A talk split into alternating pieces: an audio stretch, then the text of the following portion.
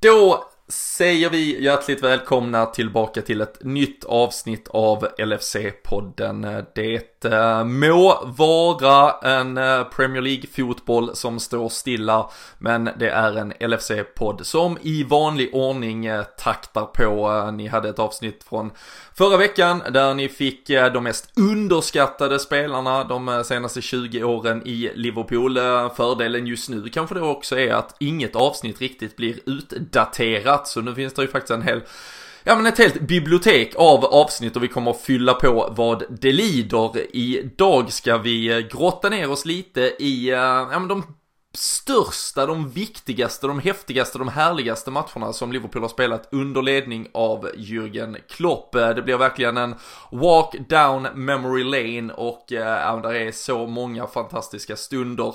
Så det här blir ett äh, avsnitt, äh, det kan äh, vankas fram lite gåshud kanske, det är äh, otroliga ögonblick vi har fått vara med om och vi längtar såklart efter att få vara med om sådana snart igen.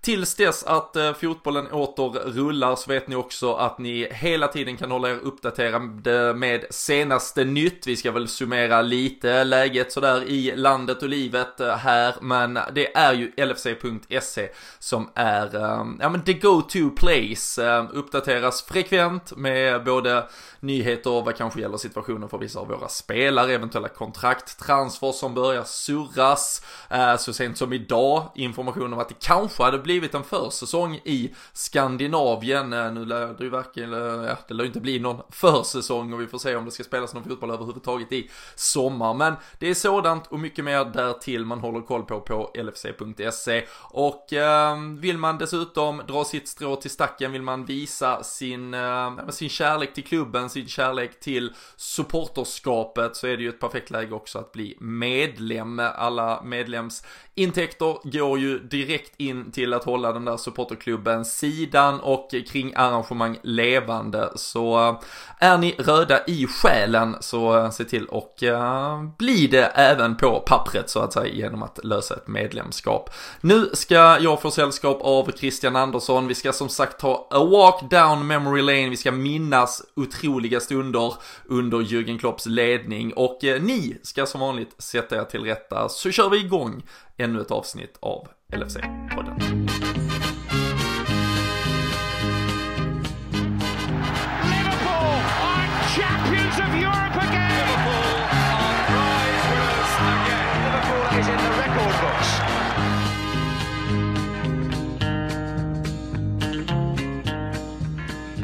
Jajamensan, eh, det eh, närmar sig så här eh, slutet av mars, snart april.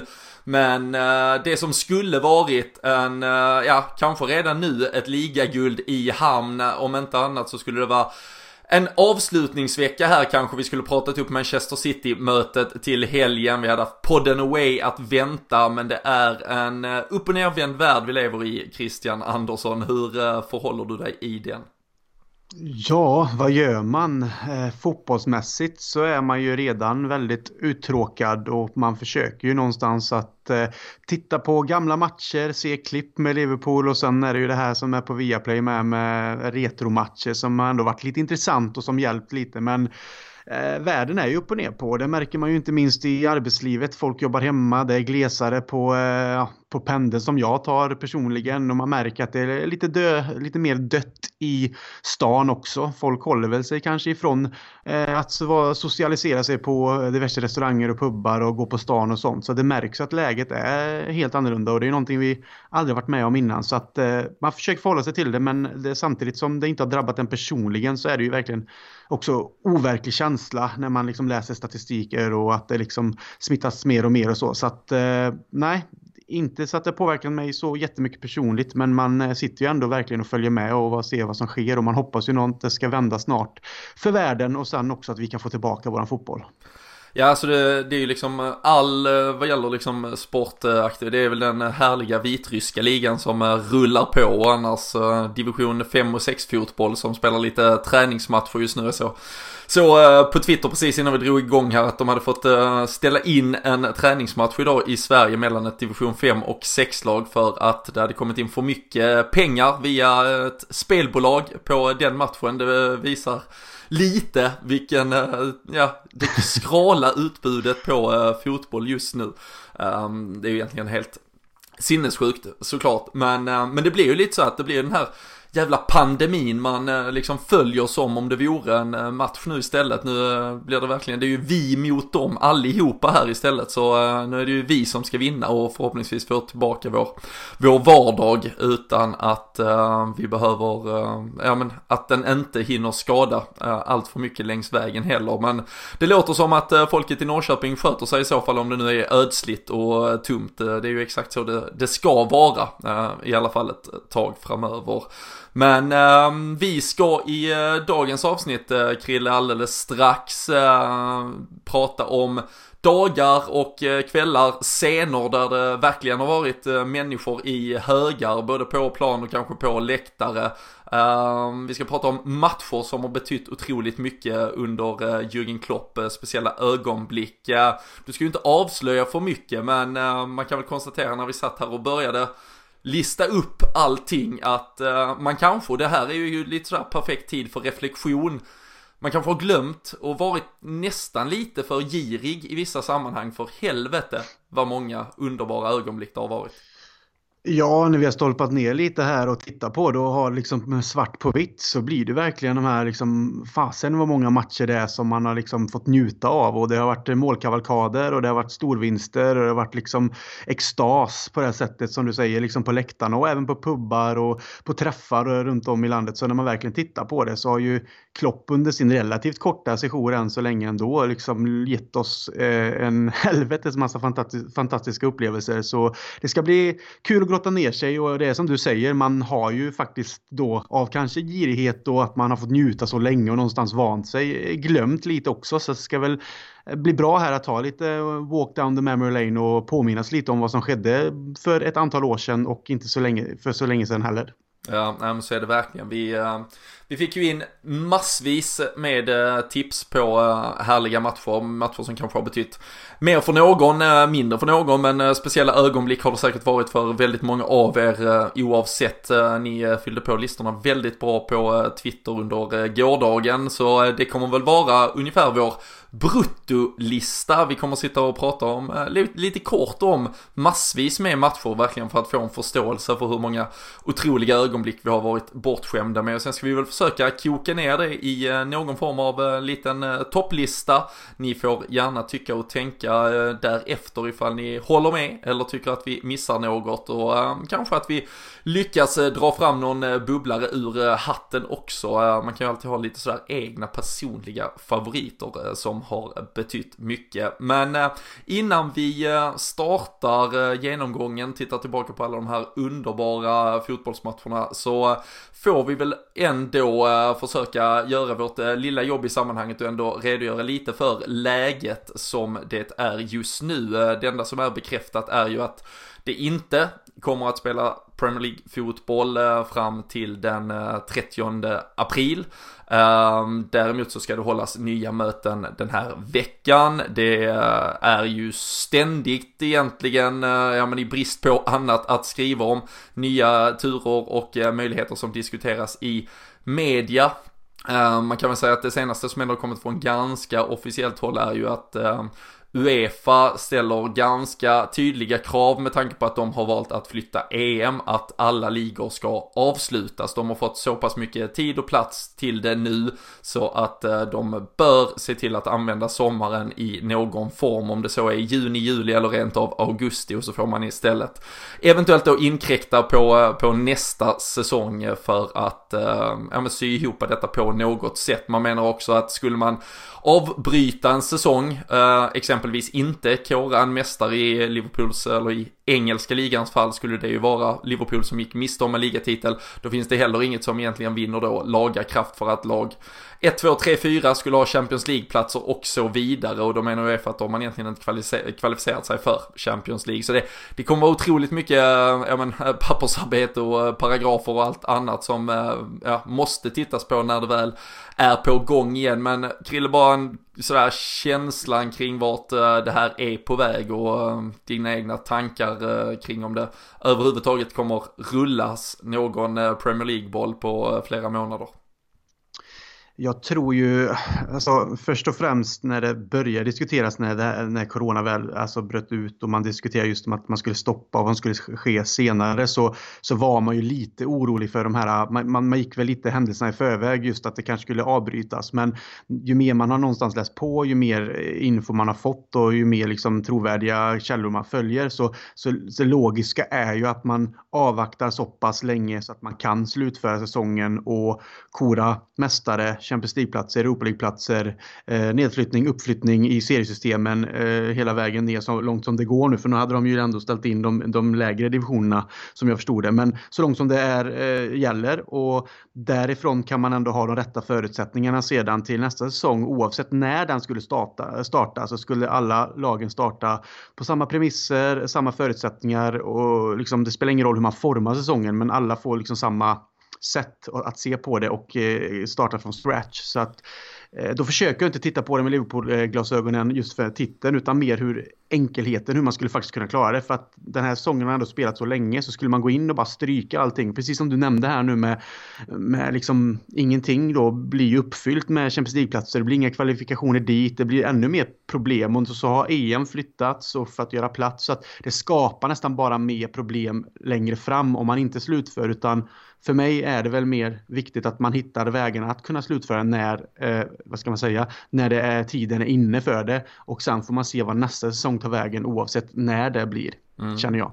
Vill du att man ska vänta så pass länge så att det till och med kan vara med folk på läktarna? Eller uh, är det det här som senaste som diskuteras egentligen är ju kanske att man kommer att sikta på något mer ja, VM-liknande upplägg där man lägger lagen egentligen på kanske 5-6 veckor långa läger och spelar match för tredje dag och att allt bara blir ett eh, jättepaket som eh, basuneras ut i TV och eh, att således då i alla fall den enorma deal som Sky och BT har, det uppges att det kan vara så pass mycket som upp till 1,2 miljarder pund som klubbarna annars skulle bli återbetalningsskyldiga ifall det inte blir någon TV-sänd fotboll.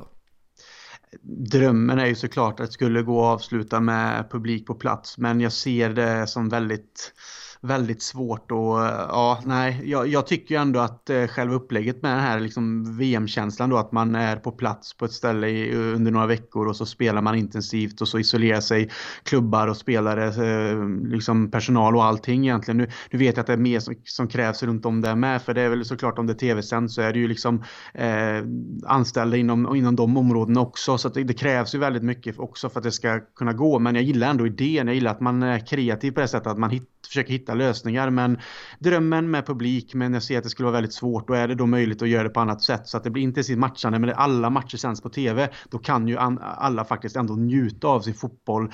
Om det nu är så att det fortfarande är relativt hård karantän runt om i Europa så kan man ändå få sin fotboll och kunna njuta av det. Så att eh, Eh, det vore i så fall en bra lösning. Mm.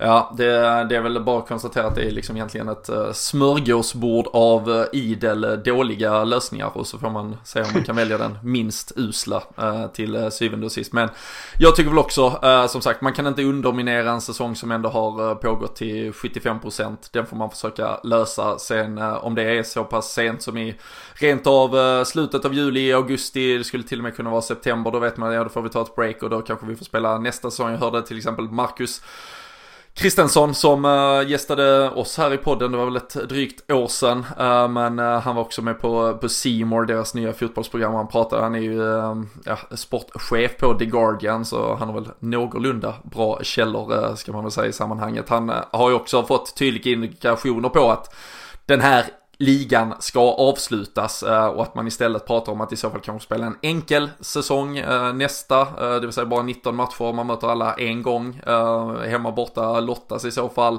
Det skulle också kunna bli ett år där man ställer in alla kupper, till exempel, alltså de inhemska, och således öppnar upp för lite mer matchande. Det finns olika lösningar, men som du också vinner, alltså jag tycker hellre att, alltså istället för att förstöra, antagligen kommer nästa säsong på något sätt påverkas oavsett om den här spelas klart eller inte. Eh, då tycker jag väl det är bättre att denna spelas klart och så har man en nästa säsong som är väldigt annorlunda och eh, sen så får man ta det därifrån. Ehm, uppgifter idag har jag inte sett om de har hunnit bli bekräftade här men eh, till exempel Wimbledon kommer ju att ställas in av allt att döma. Det är ju ett superevent i England. Det skulle ha spelats i månadsskiftet juni-juli. där ska det ju dock sägas att det är ju ett publikevenemang på så sätt att det, det bygger egentligen på att folket är där. Även om fotbollen kan tyckas göra det så är det ju tv-pengarna på ett annat sätt som styr det ja, kommersiella och det rent ekonomiska kring det. Men eh, på så sätt kan man väl i alla fall konstatera att någon Premier League-fotboll i sommar där det är publik eh, är nog inte vad myndigheterna har eh, för eh, tanke på heller. Sen är det ju ingen av oss eh, som eh, exakt kan veta hur det här kommer att eh, fortsätta och om kurvor kommer eh, plattas ut och planas ut eh, med tiden och eh, förhoppningsvis mer förr än senare. Men just nu väldigt svårt att säga om, men vi hoppas såklart att det i alla fall blir fotboll, helst av allt med publik. Vi får se vad som händer, men vi håller oss uppdaterade inför varje avsnitt såklart så att ni får med er det senaste och sen så fokuserar vi vi annars på ehm, ja, men andra riktiga godbitar ehm, i eh, de här avsnitten. Eh, ett potpourri av eh, härligheter nu Krille.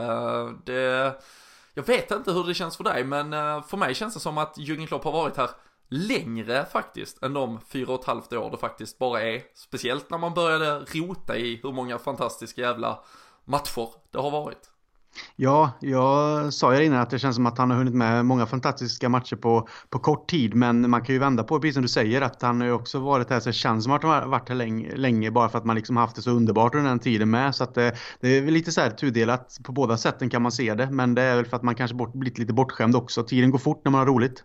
Ja, men så, så är det verkligen. Och eh, vi fick som sagt väldigt god hjälp av eh, er där hemma och eh, den första matchen och vi kommer ta det kronologiskt här. Ehm, tror att eh, alla säkert minns att vi mötte Tottenham borta i eh, Jürgen Klopps eh, första match 0-0 så den kanske inte som ren fotbollsmatch är något man kommer att minnas i all evighet även om det är ett viktigt ja men landmark på något sätt med tanke på att det var Klopps eh, första. Men bara någon vecka senare så åkte han tillbaka till London med sitt eh, Liverpool-lag för möte mot Chelsea och eh, då gjorde en viss Ramirez 1-0 efter fyra minuter. Kanske inte drömstarten man hade hoppats på, men när vi summerade och knöt ihop säcken så hade Liverpool vänt. Framförallt en helt briljant Filip Coutinho hade gjort 1-1, 2-1 och sen hade Christian Benteke Benteke fått eh, avgöra och eh, ja, men slå spiken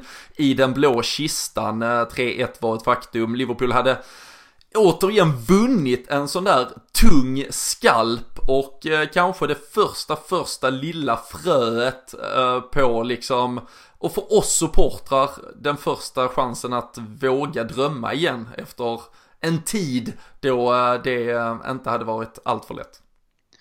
Ja, det är ju några år sedan eh, nu så att det, som du säger när du radar upp här med målskyttar och sånt så, så kommer ju minnesbilderna tillbaka och det är rätt så härligt. Det är som så här diagram i huvudet som slår till liksom tjuk, så man ser liksom framför sig vad, vad som sker. Men det blir som du säger, Coutinho var ju fenomenal och att eh, åka till Stamford Bridge då, för det, liksom, på den tiden, det är liksom aldrig en lätt uppgift oavsett egentligen. Men eh, när de får ett ledningsmål så tidigt och sen ändå vända och vinna matchen på det sättet och sen att Benteke får trycka in den också. Men det är kanske som du säger, det är ett statement där och Klopp eh, bara några matcher in i sin Liverpool-karriär åker ner till London, vinner borta mot Chelsea som varit en av de stora rivalerna under många år och det är klart att eh, där någonstans börjar väl en känsla om att det här kan eh, byggas vidare på och vi har liksom en manager som vi alla liksom suktar över så att nej, en underbar match som man ändå minns med stor glädje. Ja och kanske det mest fantastiska i sammanhanget kanske ändå var att alltså försvarsfemman med Mignolet Klein, Skertel, Sacco och Alberto Moreno. Alltså eh, utöver det där första målet i fjärde minuten håll, eh, eller höll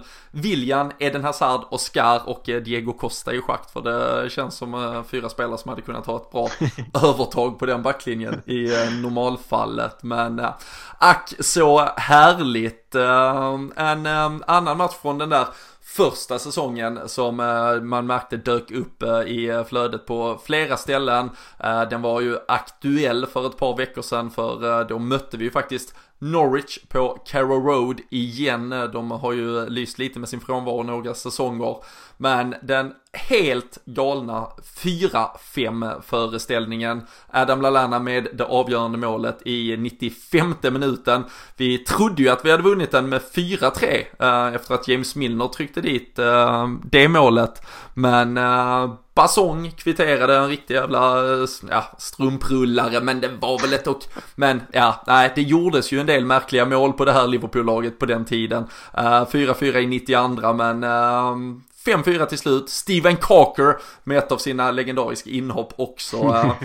Även om det här var länge sedan, tycker jag kanske alltså personligen att det här är en av de där första minnesbilderna med Kloppen då som verkligen, ja men lyser, som man aldrig kommer glömma antagligen.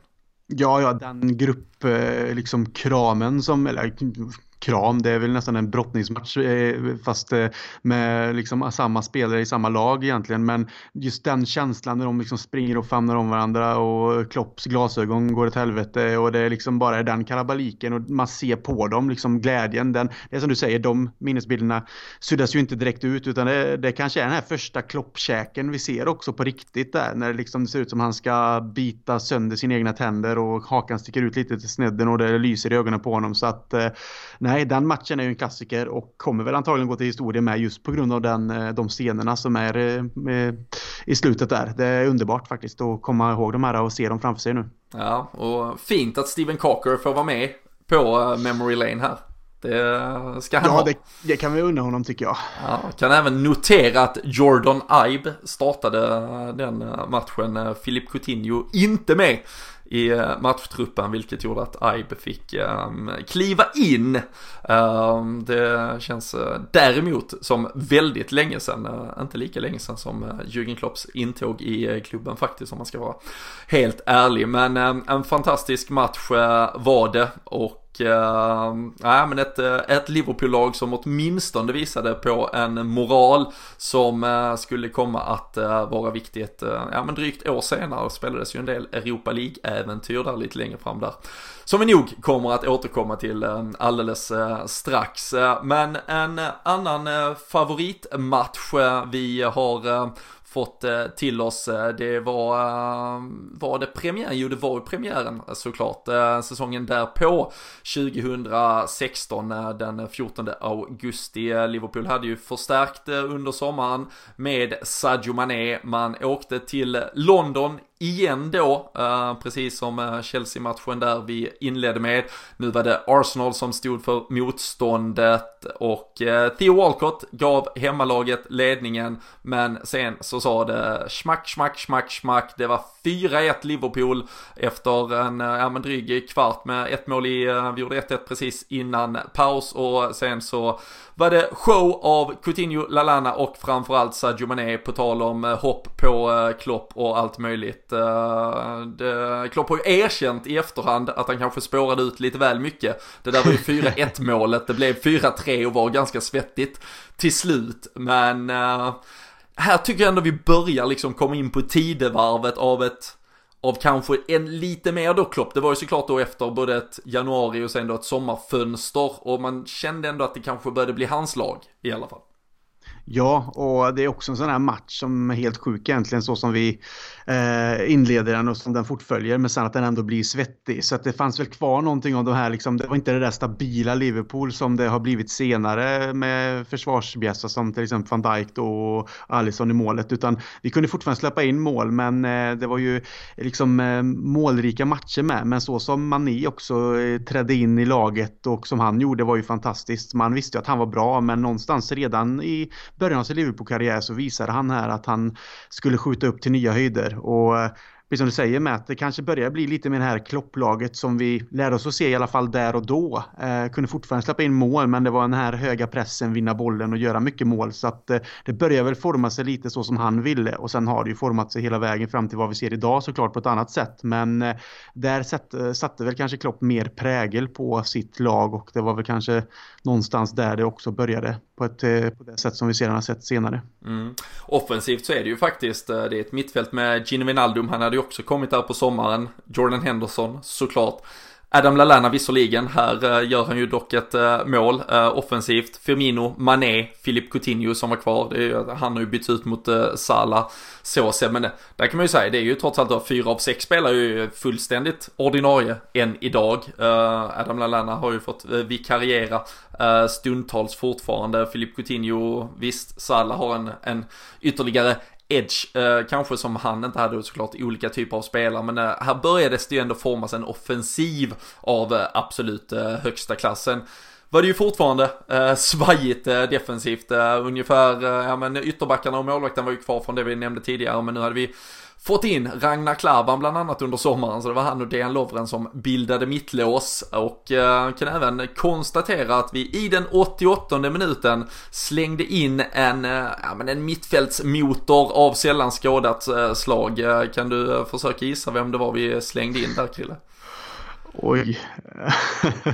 um, nej, det står helt still faktiskt. Du får... ja, det var Kevin Stewart. Fina, ja, fina oj, Kevin oj, Stewart. Oj, ja, som, legenden. Ja, som vi sen sålde till Hull uh, därefter och för ungefär samma pengar som vi då köpte Andy Robertson av Hull för sen. Så det är ju ännu ett genidrag från Michael Edwards. kanske användes just, han skulle bara synas lite och så kunde vi blåsa någon Championship-klubb på honom och lösa biffen på annat håll. Men äh, den är ju, alltså Sergio Manés mål i den matchen är ju Ja. Alltså det är så brutalt, det är ju, alltså i dessa karantäntider så är det ju väldigt mycket sådär äh, bästa målen och någon, äh, ja men sekvenser och topp 10, topp 50 Sergio Mané-mål eller bästa målen i London, bästa borta Alltså man, det, allt skit rullas ju nu konstant. Och det där målet har rullat väldigt mycket och jag tycker det blir fan bättre för varje gång man ser det. Alltså det är så, han är så avig när han tar sig runt och det är så fel egentligen i avslutsläget att trycka upp bollen där han gör. Alltså det är inte heller med den här curlen upp utan det är liksom bara den bara svävar upp i krysset liksom. Det är, äh, briljant mål och um, då var man ganska nöjd med den där värvningen. Um, kan man ju lugnt eh, konstatera i alla fall. Um, även en uh, Liverpool-spelare faktiskt som gjorde mål för Arsenal, Oxlade Chamberlain. Uh, men en Såklart. match att verkligen minnas. Ja, det var, ja, jag tycker när du pratar om här om mani också, man tänker precis som det momentet som han gör där, allting går så snabbt med och det är tekniskt briljant och sen avslutet i klass och stenhårt och rakt upp. Så att eh, nej, det är ett sånt där mål som kommer finnas och som man kommer visa för barnbarnen senare förhoppningsvis. Verkligen. Får, får se till att bunkra upp med alla de här eh, härliga målen, notera alla de här otroliga matcherna som eh, som det faktiskt eh, har blivit och eh, många fler ska väl eh, komma därtill längre fram.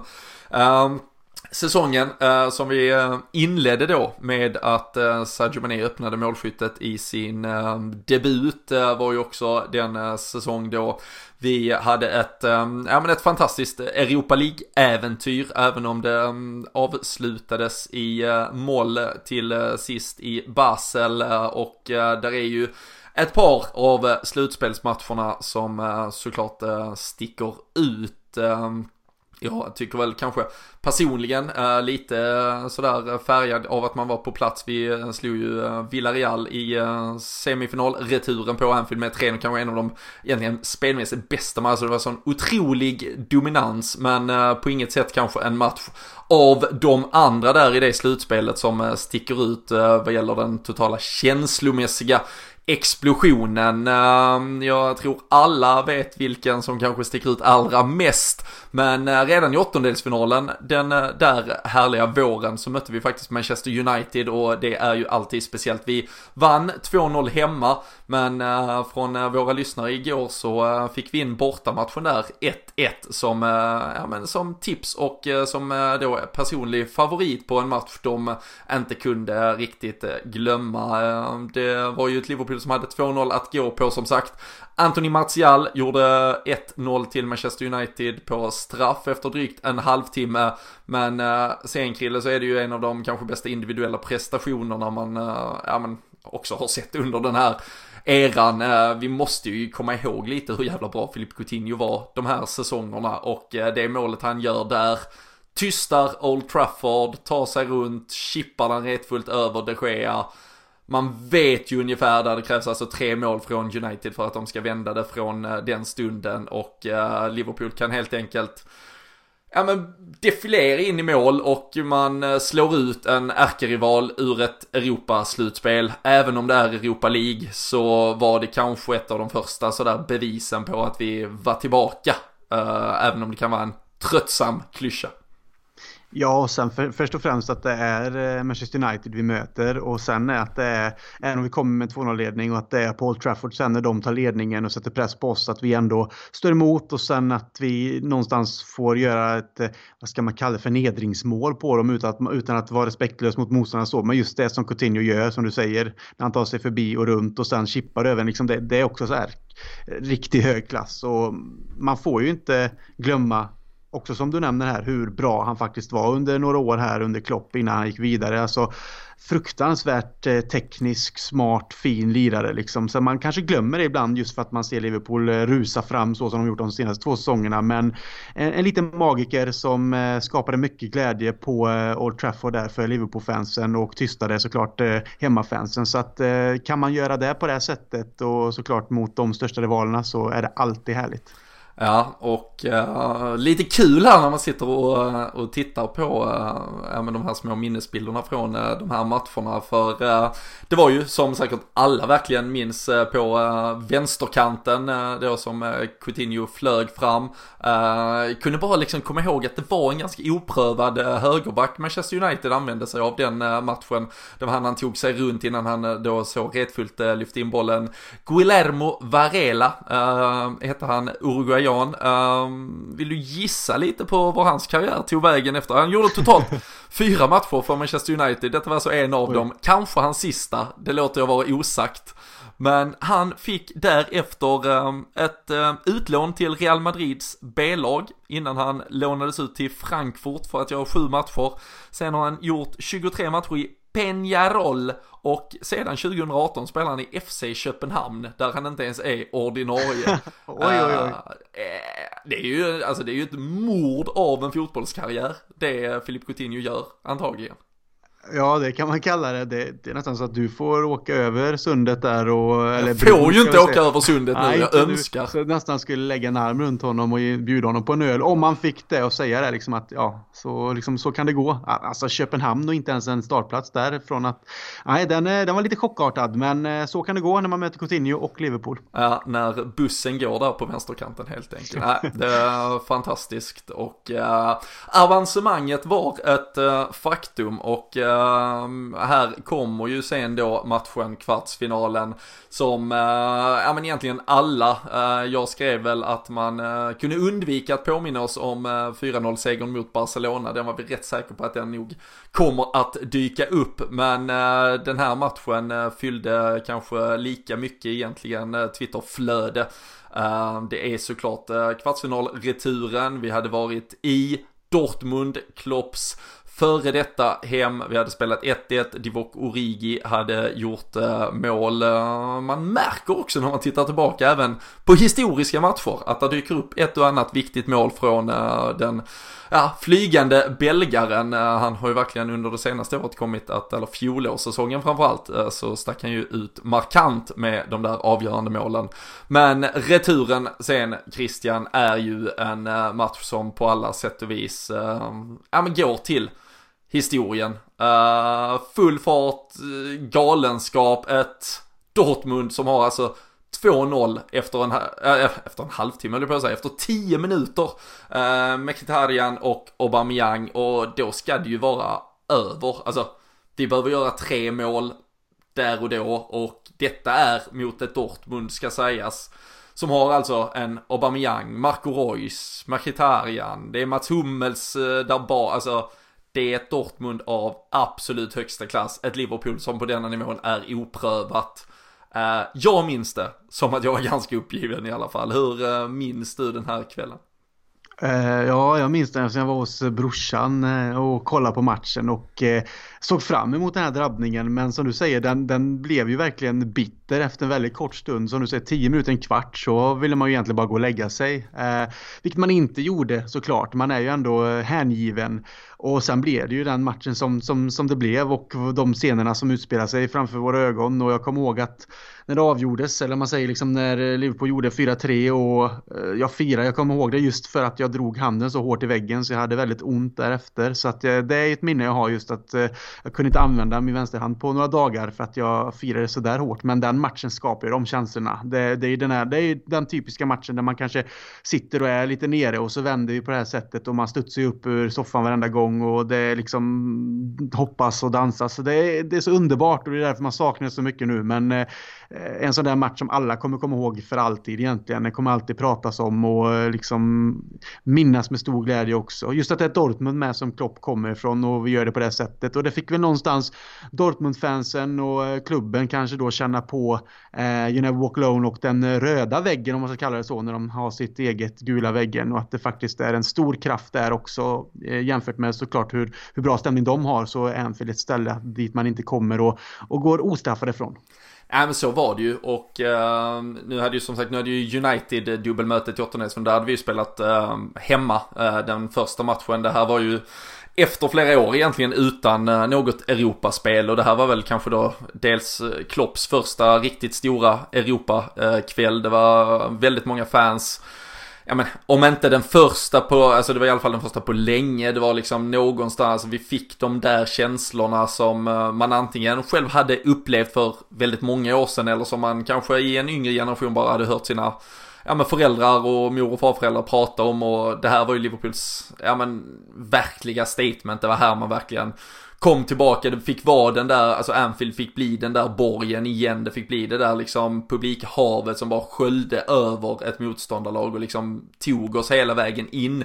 Ehm, um, den skiljer sig också så mycket från, ja men senare till exempel då Barcelona just med att vi får det här underläget, vi kommer tillbaka, vi gör, när vi väl gör 2-1 direkt i början av andra halvlek, ja men då tar det 10 minuter så har liksom Dortmund gjort 3-1 och då ska vi göra tre mål sista halvtimmen, men att vi ändå hittar den kraften, den styrkan, uh, det är ju Coutinho som gör 2-3 och sen så är det ju helt osannolikt egentligen att det är Mamadou Sakho och eh, sen då Dejan Lovren i eh, 91 minuten som avgör och de scenerna eh, när han firar framför Dekar, alltså där han hade ju sprungit igenom murbetong om det skulle behövas liksom. Det, det bara, ja, tuggar ju fradga i stort sett när, han firar det målet liksom. Och det är, nej, en uh, helt uh, fantastisk kväll. Och, och sen som sagt, för jag var på Villarreal-matchen någon vecka senare och då hade vi ju ett, ja men också ett halvbra resultat bara från bortamatchen att ta med oss. Men liksom det kändes då för första gången känns det liksom som att det egentligen inte var några bekymmer utan hemma på Anfield, då löser vi saken och eh, det har vi ju visat oss kunna göra väldigt många gånger därefter, eh, precis som vi hade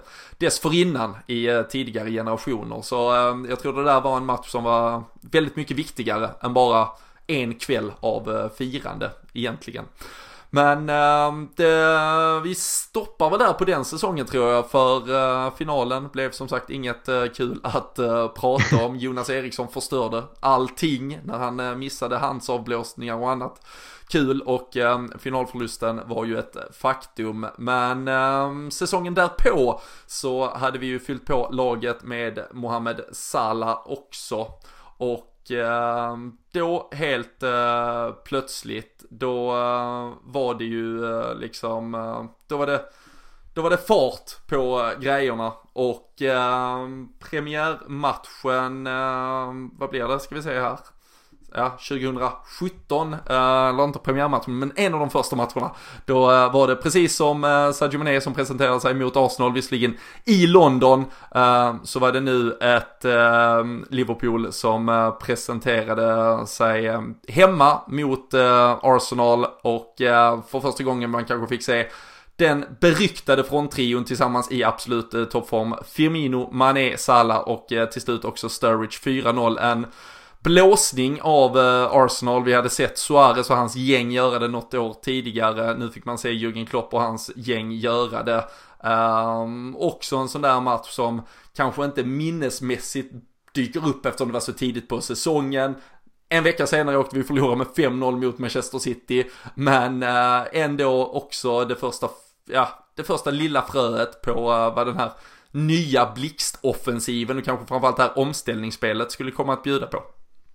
Ja absolut. Och det är ju den fronttrion där som vi ser idag. Så där någonstans formades ju det som vi faktiskt fått se frukten av eh, fram till nu egentligen. Eh, våra tre S där framme. Och någonstans blir ju Salah en, eh, ja man tänker på att han kommer in där och faktiskt, eh, alltså det är ju inte länge sedan men tänker man då på att han har gjort de här 70 målen på 100 matcher för oss så får man ju ändå se det som att Eh, vilken värvning det är. Och att han då presenterar sig i en sådan match mot Arsenal ändå och vi blåser dem av banan så nej, det, det, visste man ju inte då. Eh, man hade ju förhoppningar eftersom man visste att han gjorde mycket, ändå mycket mål och poäng i Roma när han var där. Men man hade ju ingen aning om att den säsongen skulle bli liksom en, en sån supersäsong av honom och att han la den ribban på sig själv så högt. Och det har liksom såklart viskats om att han inte är liksom tillräckligt bra alltid och så vidare. Men statistiken talar ju sitt klara språk och han har ju varit i toppen av skytteligan, gjort viktiga mål, eh, poäng för Liverpool sedan dess. Så att eh, nej, han kommer ju komma komma, komma sig ihåg som en av de absolut allra största i Liverpools moderna historia. Så nej, det var hans introduktionssäsong och eh, den trion ser fortsatt och jag hoppas att vi kommer få se dem snart igen och då såklart med en eh, viss titel i händerna oavsett när det blir. Ja, men så är det verkligen. Jag ska, jag ska säga, det, det har varit, jag inser att jag har hoppat uh, lite här i, uh, i åren ifall någon uh, nu tycker att jag har varit ute och snurrat. det är såklart att den där Arsenal-matchen med Sadio Manés debutmål, den kom kronologiskt nu här egentligen och sen gick där en säsong och sen kom denna här. Jag vet såklart att det där Europa-äventyret var under Klopps första säsong och inget annat. Det blir lite otydligt när det är 17 matcher ungefär vi ska hinna gå igenom här. Jag hoppas att ni alla ändå är med på vilka matcher eh, vi har eh, pratat om. Vi, eh, vi lär väl lista många av dem på Twitter så att ni kan tycka till och tänka till. Men nej, den här starten på, på 17-18 säsongen sen var väl kanske det som verkligen sparkade igång eh, något alldeles, alldeles speciellt med Liverpool och eh, just den här matchen mot Arsenal var ju en match där man, eh, ja men alltså där det sågs kvalitet. Det är ju kul, alltså man ser verkligen de här första tydliga tendenserna på var Liverpool var på väg. Det är faktiskt ett Liverpool som hemma på Anfield har lite mindre boll än Arsenal, slår lite färre passningar, men som eh, vinner skotten, eh, skott på mål med 10-0, man vinner med 4-0. Det var liksom det första verkliga beviset på den här nya typen av blixtomställningsfotboll som eh, sen kommer skada så många lag eh, längre fram. Eh, Salah Firmino Mané var ett faktum. Eh, Jordan Henderson, Gini Wijnaldum var ju så bofasta redan här. Eh, dessa tider så hade de Emre Can ofta eh, bredvid sig. Det kunde också vara en James Miller eller en Adam Lallana. Men här någonstans så tycker jag att man spelmässigt satte ungefär det som vi har levt med sedan dess. Sen har det justerats i alla dess former.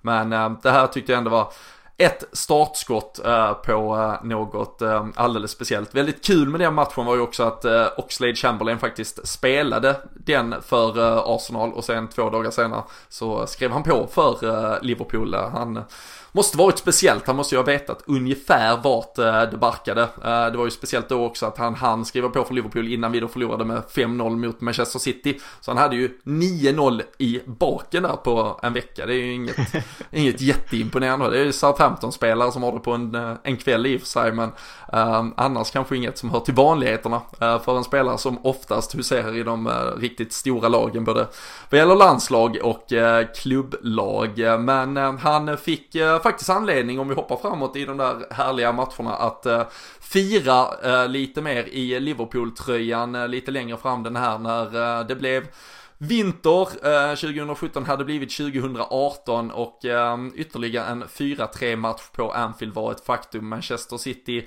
kom dit obesegrade, det var deras jakt på en invincible säsong precis som vi själva har varit med om nu. Men Liverpool satte stopp och framförallt starten i andra halvlek eh, efter att Oxlade hade gjort 1-0 i den första. Ett eh, fint skott ehm, så var det sen show av fronttrion. Femino Firmino, Mané, Salah, det var skott i krysset, det var lobbar från långt ut och eh, ja men Manchester City som skulle vara på denna tidpunkten egentligen kanske absolut bäst i hela världen. Eh, fick sig lite lektion i fotboll av Liverpool när vi var som bäst där.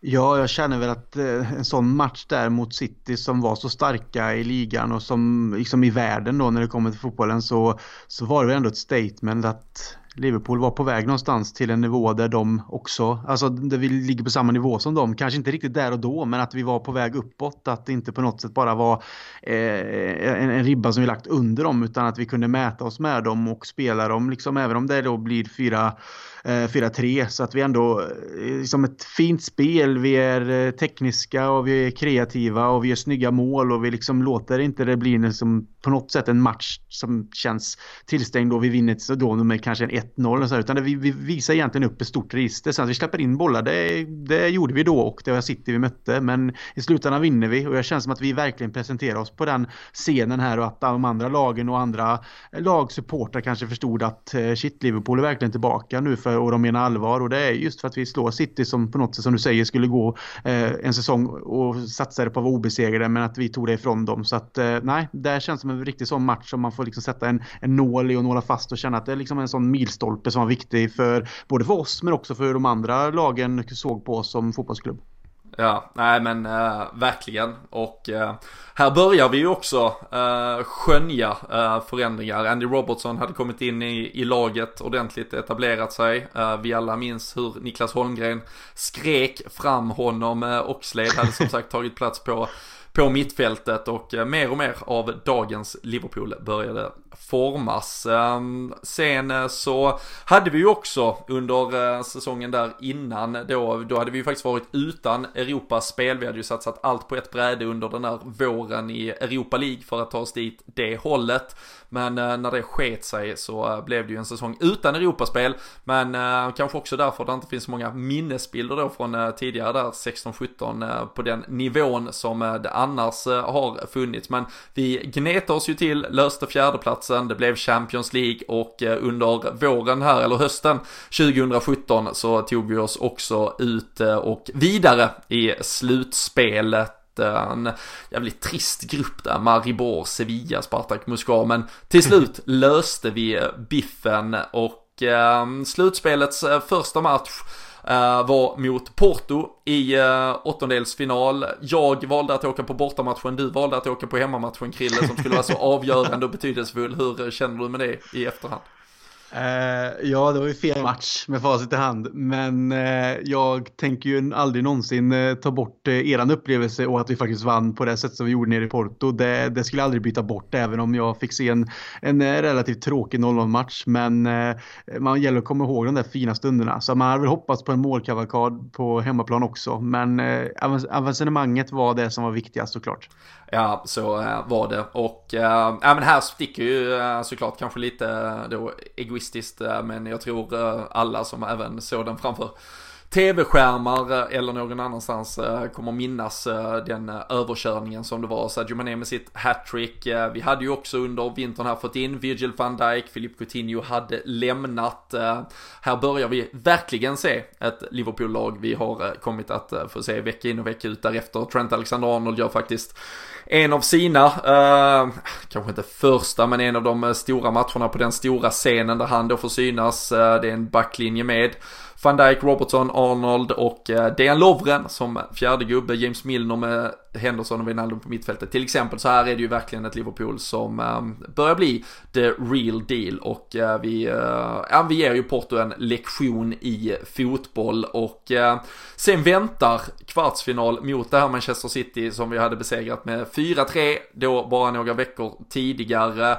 Eh, många har lyft både hemmamatchen, bortamatchen här. Jag vet inte om vi ska försöka klumpa ihop det Krille men det är ju 3-0 hemma på Anfield. U alltså en överkörning de första mm. halvtimmen egentligen. Uh, sen blev vi väl kanske lika överkörda i andra matchen spelmässigt i uh, den första halvleken. Men uh, lyckas bara, eller City lyckas bara få in 1-0 Gabriel Jesus. Dock bara efter två minuter så det borde kunna ha blivit, och det blev ju farligt verkligen. Men till slut löste vi det. Vi gjorde faktiskt 2-1. Både Salah och Firmino gjorde mål. Men om vi kokar ihop det, dina minnesbilder av de här kvällarna och de resultaten. Det är ju fantastiskt. Jag sa här precis nyligen den här 4-3 matchen mot City då att vi någonstans tog oss upp på deras nivå och visade vad vi ville. Eh, det här då om man tänker dubbelmötet med det resultatet och vidare avancemang i Champions League. Det, Eh, nej, det är riktigt fantastiskt. För eh, vi, någonstans har man väl haft både respekten och lite rädsla för City under åren. Just att de har tagit de kliven som de har gjort eh, med sina pengar såklart och kunnat locka världsspelare. Man har känt att de har kunnat sitta stabila på sin tron länge. Men här någonstans har vi plockat ihop ett lag utan att kanske splasha cashen på samma sätt. Även om man såklart får betala stora summor för spelare så har vi någonstans haft en klopp som har kunnat plocka sina pusselbitar, sett vad han har behövt och format ett lag. Och eh, så som vi då eh, vinner över City i det här dubbelmötet i Champions League, den största av turneringar, är eh, av sällan skådad art egentligen. Det är fantastiskt och det, man, man blir stolt när man tänker på det. Liksom det.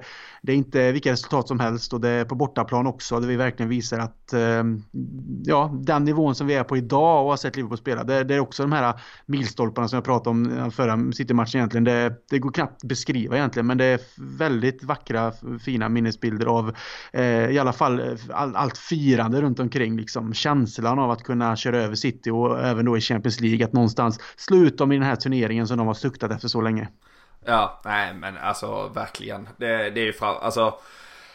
Framförallt, alltså den där första halvtimmen i första matchen är ju, den sticker ut eh, för att den är så sanslös uh, på något sätt. Alltså bollinnehav, vi slutar på 34% bollinnehav har vi i den matchen. Uh, alltså vi, vi, vi har igen, alltså vi behöver knappt spela den matchen för vi, vi bara gör mål på allt direkt och någonstans med det knäcker de uh, fullständigt. Um, sen kommer de ju som sagt verkligen ur startblocken i, i returen och 1-0 jättesnabbt. Ska väl ha en uh, straff och lite annat uh, därefter. Det var på den tiden då man inte videogranskade saker och ting. Det var James Milner som spelar bak en boll där också som vinkades av felaktigt för offside och så vidare. Men vad bryr vi oss? Det var också väldigt mycket diskussion om just det målet eh, de gjorde. Men um, samma sak där. Vi ligger ju på rulle. Vi lyckas ju faktiskt för en skull försvara oss riktigt, riktigt bra. Det här eh, är ju på en tid när vi då har fått in en Virgil van Dijk i, eh, i mittförsvaret. Eh, vet att Andy Robertson saknades så Klein spelade vänsterback men ehm, eller nej, hur var det nu? Vi spelade, jag tror, nej han kom in mot uh, Alexander Arnold, Robertson spelar, förlåt mig. Men uh, van Dijk uh, hade ju ändå stabiliserat upp väldigt uh, mycket uh, här och uh, det var ju också en match, som sagt vi har i stort sett ingen boll, vi uh, ligger och försvarar men vi är ju så otroligt sylvassa och det där kontringsspelet, hela den Champions League våren är ju, alltså kanske en alltså bakar man ihop lite så, så är det nog liksom det bästa jag någonsin har sett Liverpool spela. Alltså, och det roliga, alltså på något sätt, alltså det, det sjuka, alltså det spelar ingen roll vad lag gjorde mot oss. Vi, vi bara, alltså de fick prova att skjuta men sen kommer vi ta bollen och sen kommer vi sticka upp och göra mål. Alltså det, det kändes som att vi skulle göra mål varje gång vi satte fart. Och det når ju någonstans sitt klimax kanske i en match där både du och jag var på plats på Anfield sen när vi i semifinalen gör alltså 5-0 på Roma på drygt en timme och eh, detta alltså i en Champions League semifinal. Och eh, ja men Allé, Allé, Allé dunkar ju dånar till sådana eh, ljudnivåshöjder att man knappt vet var man ska ta vägen. Det skrivs ju, vilket är trist för historieböckerna, till 5-2. Nu löser ju allt sig ändå så därför hade vi väl lika bra kunnat få verkligen pulveriserat dem även resultatmässigt. Men spelmässigt Krille, de där, ja, det tar väl till 68 innan vi har 5-0. Men det är nog eh, det är nog personligen det absolut bästa jag har sett Liverpool spela fotboll någonsin. Ja, jag är beredd att hålla med dig och såklart förstärks ju hela upplevelsen eftersom att man är på plats och får uppleva detta live och som du säger, det här trycket som är på läktaren. Det är också ett av de ja, kanske bästa man upplevt också. Det, det, är många matcher man fått se. Eh, vissa mot, alltså som mot Manchester United och jag vet han var du på också när vi pratade liksom eh, Köjts hattrick och det här just hur, hur eh, trycket kan vara. Men det här kan man nog ranka ändå. Alltså det är ändå Champions League. Det är på det sättet med 5-0. Det är mot Roma, liksom semifinal. Eh, kommer ihåg att jag hade den här känslan av att nästan lyfta från eh, min plats där jag stod liksom. Ja, men just att den känslan och så alla de här halsdukarna som bara liksom snurrade i luften och så bara ekot från alla olika eh, läktarsektioner runt omkring en som liksom fångade in en och tryckte på en. Så nej, det är antagligen kanske den bästa stämningen man upplevt på Anfield eh, faktiskt. I, och då har man ändå fått uppleva så många matcher. Men det ja, var riktigt häftigt. Ja men det är ju så mycket, alltså dels så här, så det spelmässiga, alltså den här känslan av att varje gång, alltså vi, vi bränner ju rätt många frilägen i den här matchen också och det kändes så, alltså det var våg på våg på våg på våg. Det bara, alltså det svepte mot oss.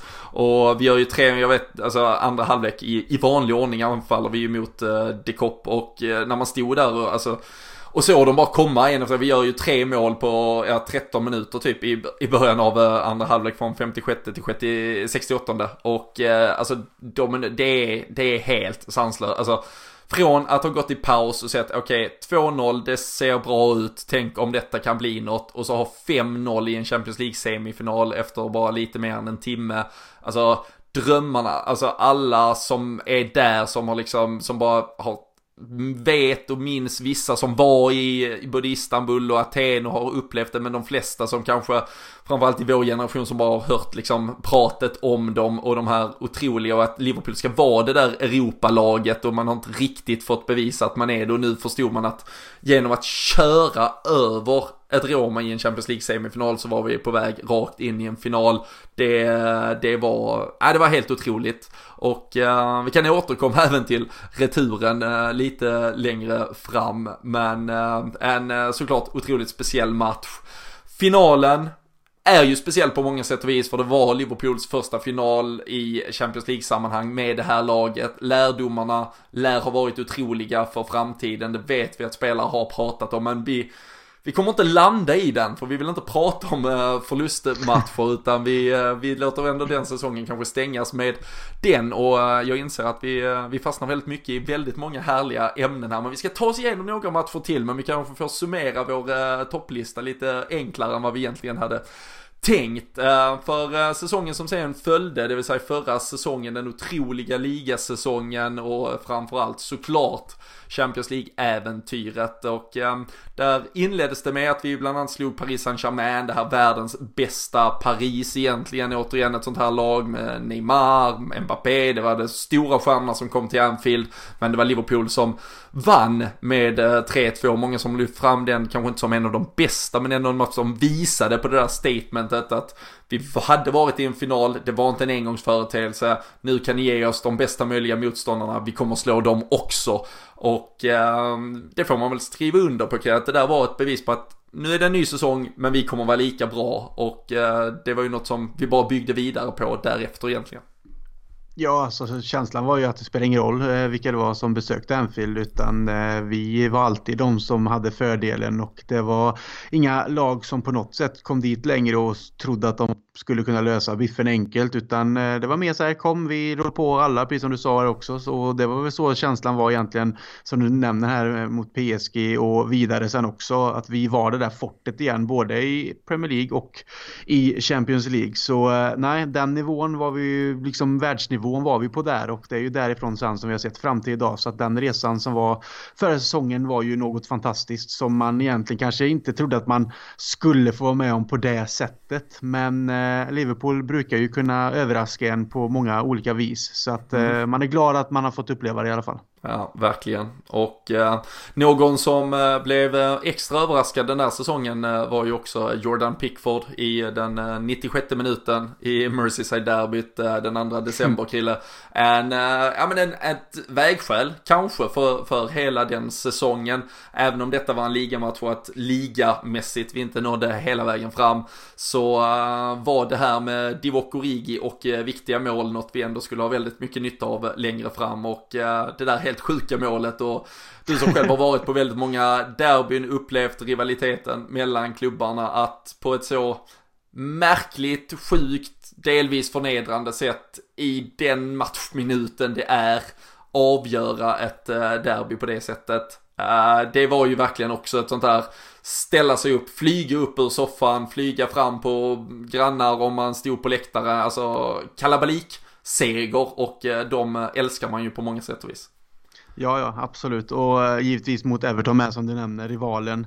Eh, stadsrivalen som ligger stenkast bort liksom. Och på det sättet med, och det är Origi också för den delen, den legendstatusen som han eh, påbörjade där och då liksom. Det, nej, det är scener som är underbara och det är väl, du får rätta mig om jag har fel, men det är väl den eh, matchen där Klopp springer in och kramar Allison med va? Precis. Och det fick ju han skit för sen i olika forum och hit och dit. Men vem fan bryr sig? Det är ju precis så där. Man kan tycka att det är lite respektlöst, men där och då är han bara fotbollssupporten Jürgen Klopp också. Känslorna tar över. Det är likväl som du säger, vi trillar ner från läktarna nästan och man står i puben och det skvätter öl över andra men ingen bryr sig för alla är bara glada och det är ju därför man älskar Jürgen Klopp också för att han har just de där känslorna och han kan inte alltid hålla på dem men det gör också att han är mänsklig och det är väl det som man någonstans ändå landar i att man älskar honom så att eh, nej, man kommer komma ihåg den matchen också för eh, de, eh, det bisarra målet och sen de scenerna som utspelar sig därefter. Ja, verkligen och eh, bara två veckor senare, eh, faktiskt ytterligare en eh, Premier League-match som ändå är värd att eh, minnas från eh, den säsongen. Då var det hemmamatch återigen mot en annan eh, rival, eh, denna gången Manchester United. Och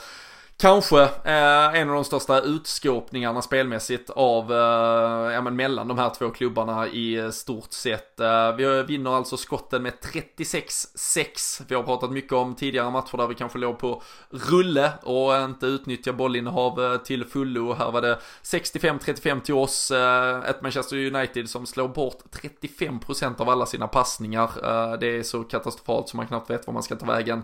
Och bara några minuter efter slutsignal i stort sett sätt så får José Mourinho sparken. Um, det må inte vara så nobelt och fint att liksom eh, strö salt i öppna sår, men att få förnedra en rival på det här sättet är ju något speciellt ändå det är alltid speciellt. Likväl som det är mot Everton så är det alltid mot United. Det är väl de två klubbarna eh, plus Chelsea och City på senare år. Kanske Chelsea har varit under en längre tid, men det är väl för att den rivaliteten som uppstod även där med Mourinho och Benitez. Men just eh, United, Everton, de matcherna är ju liksom rivaliteten om man ser till folket i Liverpool, vad de tycker och så, så är det ju de matcherna man vill vinna allra mest. Och eh, på det sättet man gör det. Och det är väl Shakiris eh, lilla inhopp ja, där och de målen med. Den, Flygande ja. köttbullen, trycker dit två. Ja, helt fantastiskt.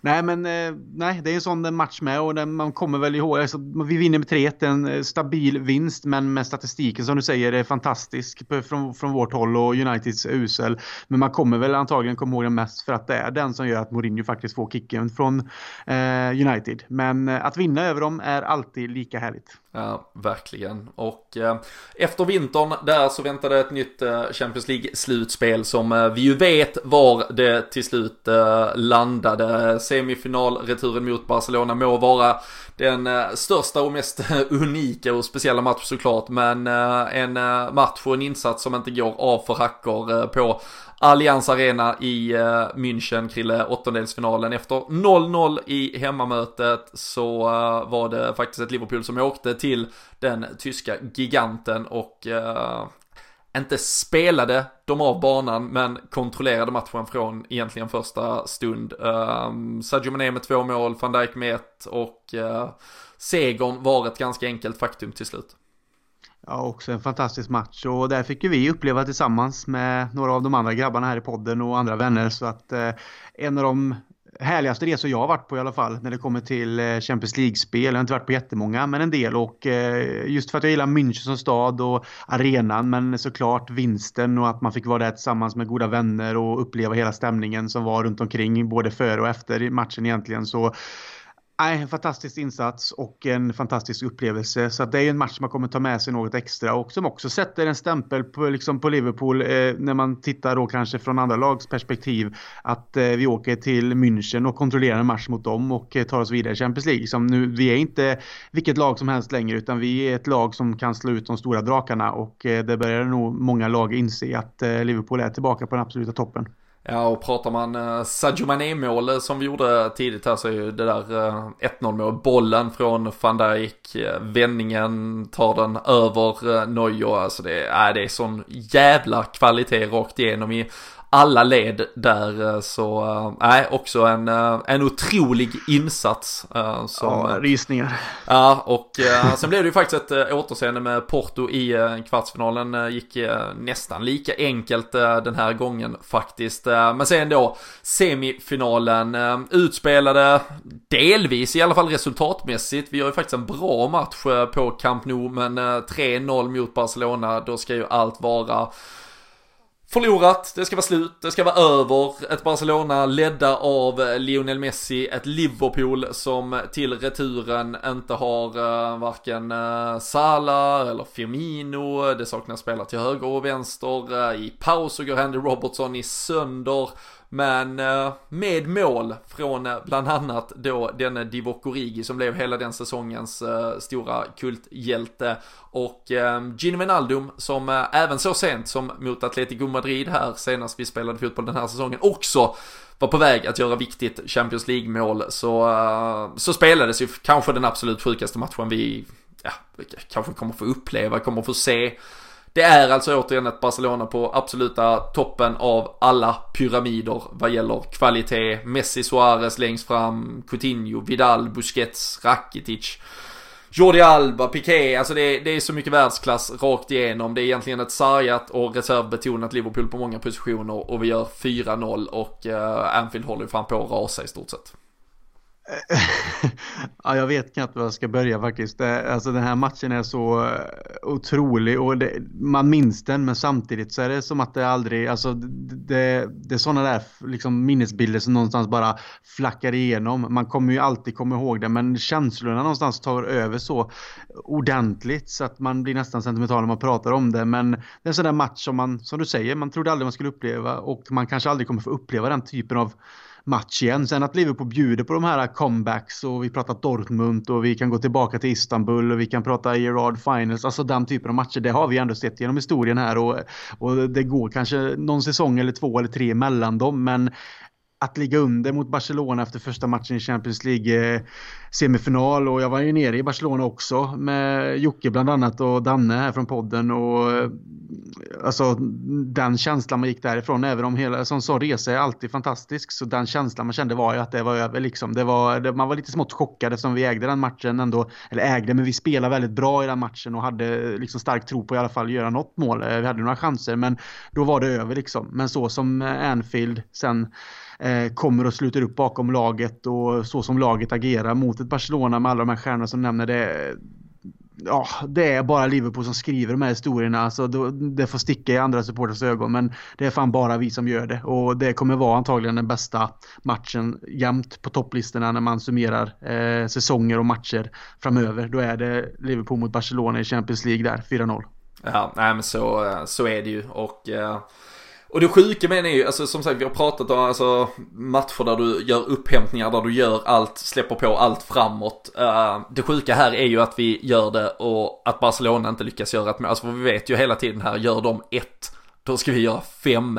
Uh, det vet vi egentligen från första sekund. Så att våga gå ens lite liksom offensivt viktat mot ett så bra Barcelona med de förutsättningarna. Det, är, det är så många parametrar som såklart ska eh, stämma in men eh, det är helt otroligt och uh, Gino Wijnaldum får väl ursäkta någonstans, han gör ju två otroliga eh, mål och viktiga mål och eh, det är ett fantastiskt inlägg från Shakiri i ett av eh, fallen och det är ju pang-pang i både 54 och 56 men det är ju egentligen Origi som startar allt när han petar in 1-0 drygt, det är väl bara efter 7-8 minuter i stort sett och sen såklart med corner taken quickly från Trent Alexander, ja. bara det målet är ju också så, det, det finns inte, det händer inte, det kommer aldrig någonsin att hända igen. Uh, så eh, nej, uh, helt uh, otroligt och uh, något som är lite roligt i uh, sammanhanget där ska vi se om du klarar denna här men på bänken denna matchen det var ju lite skadebekymmer. alltså när Liverpool kvalificerar sig för sin andra raka Champions League-final då återfinns en, en, en liten udda spelare på bänken. Han fick också på grund av lite skador sitta på bänken när vi mötte Roma borta i Champions League semifinalen och alltså senast. Så han har suttit på bänken båda gångerna vi har kvalificerat oss för en Champions League-final. Um, kan du gissa vem det är? Jag har för mig att det är Ben Woodburn. Ja, det stämmer. Det stämmer. Det gör det? Jajamensan. Aha, så han har varit med i liksom kanske de så här historiskt två eh, fetaste matcherna, liksom efterspelet på Olympiastadion i Rom, eh, tror jag alla har eh, sett och sugit in när spelarna går bort till fansen och på samma sätt då, den otroliga kvällen på Anfield mot, mot Barcelona, men Ben Woodburn har varit där, mitt han i kanske, smeten. Han kanske ska fortsätta sin karriär, sitta på bänken hos oss som han skulle, alltså, skulle suttit på Atletico Madrid nu, även om inte var en semifinal, så kanske han skulle i alla fall ha varit på bänken. Ja, det är hans, hans ord i omklädningsrummet vi behöver. Ja. Nej, det är häftigt ändå. Ja, verkligen. Så är det ju. Och eh, vi, eh, vi kan ju ändå inte avsluta utan att eh, få med finalen några veckor senare. Det är såklart inte en match som på samma sätt med galna vändningar eller otroliga insatser sticker ut. Men för dig och mig, för en generation som är ungefär som oss och absolut en yngre generation därtill Även om man upplevde Istanbul, det var kanske i lindan på något sätt av det här otroligt aktiva supporterskapet där man började resa på matcher, man började verkligen alltså samla sina alltså, stora vänner, man började skapa vänner genom fotbollen på det sättet. Och så fick man nå kulmen och eh, avslutningen, en, alltså bara lite efter att man också hade fått det där snöpliga ligaavslutet och allting. Det här var ju revanschen det här var det stora. Det tog bara en minut, sen var det en straff, Salah gör 1-0 efter eh, två minuter. En lång och evig jävla plåga var väl ungefär vad matchen var, men samtidigt så var det också, uh, ja men nummer 6 som till slut landade. Ja, och jag tror att både du och jag, jag vet inte om vi har summerat det i en tidigare podd eller om det är att vi någonstans har diskuterat på Twitter eller någonting, men jag vet att Eh, både du och jag summerar någonstans att från Istanbul eh, så eh, liksom 2005 gick jag ur gymnasiet och du går ut då ett år senare om jag förstår det rätt. Eh, och sen allting man har någonstans hunnit uppleva däremellan. Att liksom eh, komma in i vuxenlivet och allt vad det innebär och eh, fått barn och haft olika karriärer, fått flytta utomlands i mitt fall och eh, det här med England. Alltså allting man har gjort sen dess någonstans. Liksom man summerar ihop sitt liv någonstans till att det når en topp eh, kanske man ska inkludera sina barn där såklart också, men jag tror att de flesta förstår vad jag Behöver menar. vi inte vara så jävla noga med sånt här.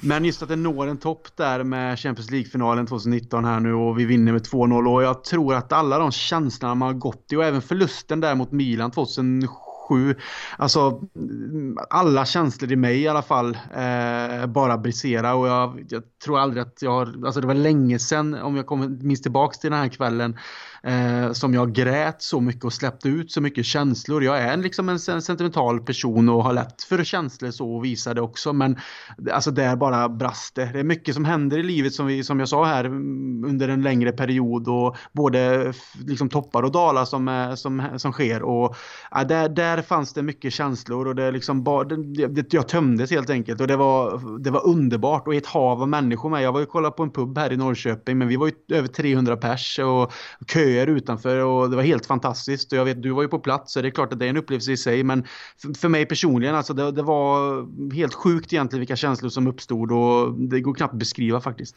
Nej, alltså det, så är det ju. Och, och det är ju, det är ju liksom inte det blir ju inte bara en match, det blir ju inte en seger, det blir alltså, det handlar inte, vi har pratat så otroligt mycket om det, blir, kommer att bli så otroligt aktuellt nu också när man pratar om, alltså den här säsongen och avslutningen och hur den avslutas och när den avslutas.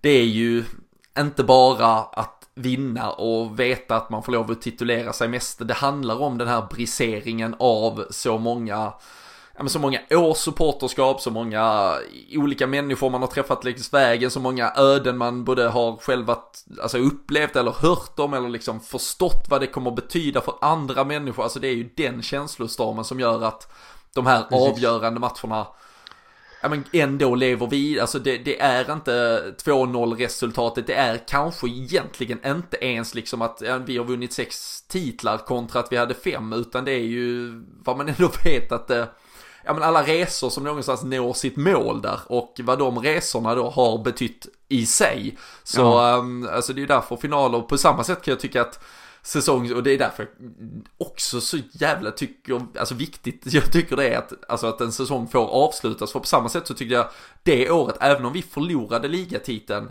i racet i sista matchen mot Manchester City så fick det ett så jävla fint, alltså det fick liksom avslutas, vi, vi visste att vi var jävligt många tillsammans som hade gjort en resa, en helt oförglömlig resa. Det fick sitt mm. slut, det blev inte det slutet vi hoppades på, men vi, vi, visste att vi hade gjort hela resan i alla fall. Så äh, nej, de där äh, avslutningsmatcherna, de äh, är speciella och det får väl en att ännu mer hoppas på att den här säsongen också får en, en avslutning. Och vi, vi har gått långt över ordinarie tid här Christian, men uppenbarligen så otroligt många fantastiska matcher 4-0-seger mot Leicester från denna säsongen fick vi också upp i flödet. Den ligger säkert så pass nära ändå i allas minne att vi inte behöver gå in så, så djupt i den. Vi hade väl tänkt sätta ihop någon eh, topplista här också, men eh, du får försöka välja en favorit, eh, Krille, om du liksom får kniven mot strupen. Och det kan ju vara något av de här, eller om du vill hellre kanske chippa in en personlig favorit, och det behöver ju inte vara då att den på något sätt är större än Barcelona eller Dortmund eller finalen. något annat, något vi har missat eller något som kanske ändå är lite mer udda som du tycker dyker upp? Ja, vi har ju pratat mycket om ett Liverpool som har farit fram och gjort mycket mål och sen att vi har släppt in lite med, men att vi hittar stabiliteten, att eh, kontrollera matcher. Försvarsspelet är satt med van Dijk Alisson och vi fortsätter göra mål så det blir liksom som du säger då, det blir de här eh, Leicester-matchen till exempel, om vi pratade om, du nämnde senast här, att vi, vi kontrollerar matchen nu och vi vinner dem på andra sätt. Vi släpper inte in lika mycket mål, men om man bortser från de här matcherna som vi har pratat om här nu och som har varit helt fantastiska så satt jag och funderade här tidigare innan vi började och en match jag faktiskt vill ta med mig som betyder mycket personligen just för att eh, någonstans är väl en vändpunkt kanske och det är faktiskt West Bromwich på Anfield där vi hämtar upp till 2-2. Mm. Och eh, Klopp tar med sig spelarna fram till The Cop och eh, tackar dem liksom och eh, någonstans knyter ett band. Jag vet att det blev mycket hån också från andra supportrar och så vidare att vi firar ett kryss på hemmaplan mot ett lag som West Bromwich. Men Klopps vision om det här liksom doubters to believers och någonting liksom att ändå ta med sig det positiva från den matchen. Vi förlorade i alla fall inte. Det var inte den bästa insatsen, men vi förlorade inte utan vi visade styrka och eh, kämpaglöd genom att ta oss tillbaka och i alla fall ta med oss poäng och sen vill han väl någonstans ta fram spelarna framför The Cop och knyta de här banden igen att nu ska vi stå upp för varandra. Vi kommer kämpa för er och vi hoppas att ni kommer kämpa för oss. Det är det vi vill se.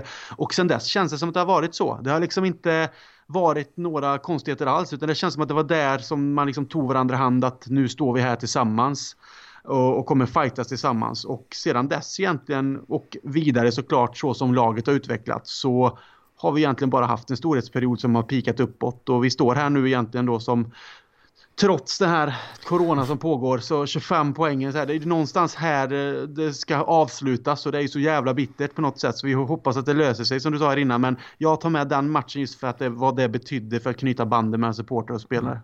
Ja och eh, även där en Divock Origi i 96 minuten. Eh, han har gjort ett par viktiga mål i, i slutskedet eh, av eh, matchen. Uh, eh, eh, styrt skott som eh, snubblade in bakom måste väl ha varit Ben Foster. kan vi tänka oss att kanske var. Nej, det var Bohes Myhill. Jävlar vad härligt. Det blev man ju nästan lite glad av att, av att läsa. Jag vet Jonas Olsson uh, hade ju bland annat gjort mål för West Bromwich. Alltid skönt att täppa till truten på honom åtminstone. Men 28-4 i skott också. Så det var ju en sån där match där Liverpool verkligen dominerade. Men där det knappt ville sig. Men jag håller med fantastiskt eh, när, eh, som man kanske inte då, alltså det kan jag ändå respektera, jag kan förstå att eh, liksom motståndarsupportrar där och då tyckte att det var lite eh, töntigt att eh, göra det eh, och man själv kanske var lite blandad i de känslorna kring det. Det var ju kanske också en, efter en säsong tidigare med Brendan Rodgers där man hade känt att nej men det här laget det håller inte längre liksom. Det, det är mycket fel, det var liksom en ganska dålig stämning och även om Jörgen Klopp hade liksom ingjutit mod så, så vi tror jag här balanserade han jävligt mycket på om det här skulle funka eller inte. Men eh, det funkade och det funkade otroligt bra och eh, det gav fantastiska resultat längre fram. Eh, vi har nuddat en av de eh, matcherna som eh, jag verkligen tar med mig och det är faktiskt returen mot Roma. Ehm, får vi prata om att både du och jag var på plats och såg oss vara helt fantastiska eh, i den där första matchen. 5-0 eh, tidigt eller ja, efter drygt eh, en timme. Och eh, sen så var man ändå så jävla rädd att de här 5-1 och 5-2 skulle betyda att det kanske ändå inte blev en final. Det är ju liksom ändå en loser-mentalitet som har eh, satt sig djupt under eh, många år som Liverpool-supporter fram, eh, fram till dess. Och jag har nog aldrig varit så nervös inför en match som jag var inför den. Eh, med tanke på att Barcelona-matchen där kände man ju sig så uppgiven för, alltså 3-0, det trodde jag, jag, där kan jag erkänna att jag trodde aldrig vi skulle vända det. Eh, så där satt jag mig lite mer och skulle njuta och se oss försöka. Men uh, här, Roma borta, jag visste att det var en möjlighet att vi skulle ta oss till en Champions League-final. Jag hade verkligen planerat för att jag skulle resa och se min första Champions League-final med Liverpool. Ehm, jag hade till och med spelat lite pengar, vilket jag inte brukar göra, på att Roma skulle vinna för att försäkra mig att jag fick tillbaka väldigt mycket pengar ifall det gick åt helvete. Uh, jag har aldrig varit så nervös i hela mitt liv och uh, när Liverpool gör 1-0 uh, så pass tidigt som vi gör så känner man ju att det här kommer lösa sig. sen blir det 1-1, vi gör 2-1, då känner man att det här bör ju vara lugnt. men när de har 3-2, till och med när de får in 4-2, även om jag vet att matchen är slut, alltså bara tanken på att de ska få in 5-2 också, alltså det, nej, en pers utan dess eh, like. Um, 7-6 är kanske inte det mest vanliga uh, sådär totalresultatet i en Champions League uh, semifinal heller. Men Eh, aldrig eh, varit gladare efter en eh, match heller tror jag. Men ja, den i ett helt potpurri här av fantastiska matcher. Eh, det här var en lång promenad längs eh, Memory Lane. Eh, vi hoppas att ni har uppskattat att uh, titta ner i uh, detta, ja, men detta härliga hav egentligen av uh, fantastiska fotbollsmatcher som har spelats under Jürgen Klopps ledning. Vi, ja, jag ursäktar lite min ihopblandning av säsongerna i början, men jag hoppas att ni alla vet alla härliga matcher vi har pratat om och Eh, ni får jättegärna gå in på Twitter och ehm, själv delge vilka som är era favoriter. Det kan vara personliga favoriter av eh, alla möjliga udda anledningar eller så kanske det är någon av de här som vi har pratat om. Ehm, häng med i snacket. Eh, vi ska se om vi kanske kan hitta på något på Twitter den här veckan också så att vi kanske kan hålla igång med någon tävling eller annat. Sam Dodds vill ju såklart fortfarande meddela att där finns väldigt mycket härliga supporterprylar man kan fylla på med eh, i väntan på att det spelas fotboll åter igen. Men eh, med de orden, med det här eh, ja, men fantastiska eh, arkivet av eh, härliga fotbollsstunder så kanske vi kan överleva några veckor till utan fotboll. Vi håller alla tummar för att det kommer tillbaka så snart som bara möjligt när det är tillräckligt säkert för alla parter att um, göra det. Men uh, vi i podden är snart tillbaka igen i alla fall. Tack för att ni har varit med oss så hörs vi snart igen.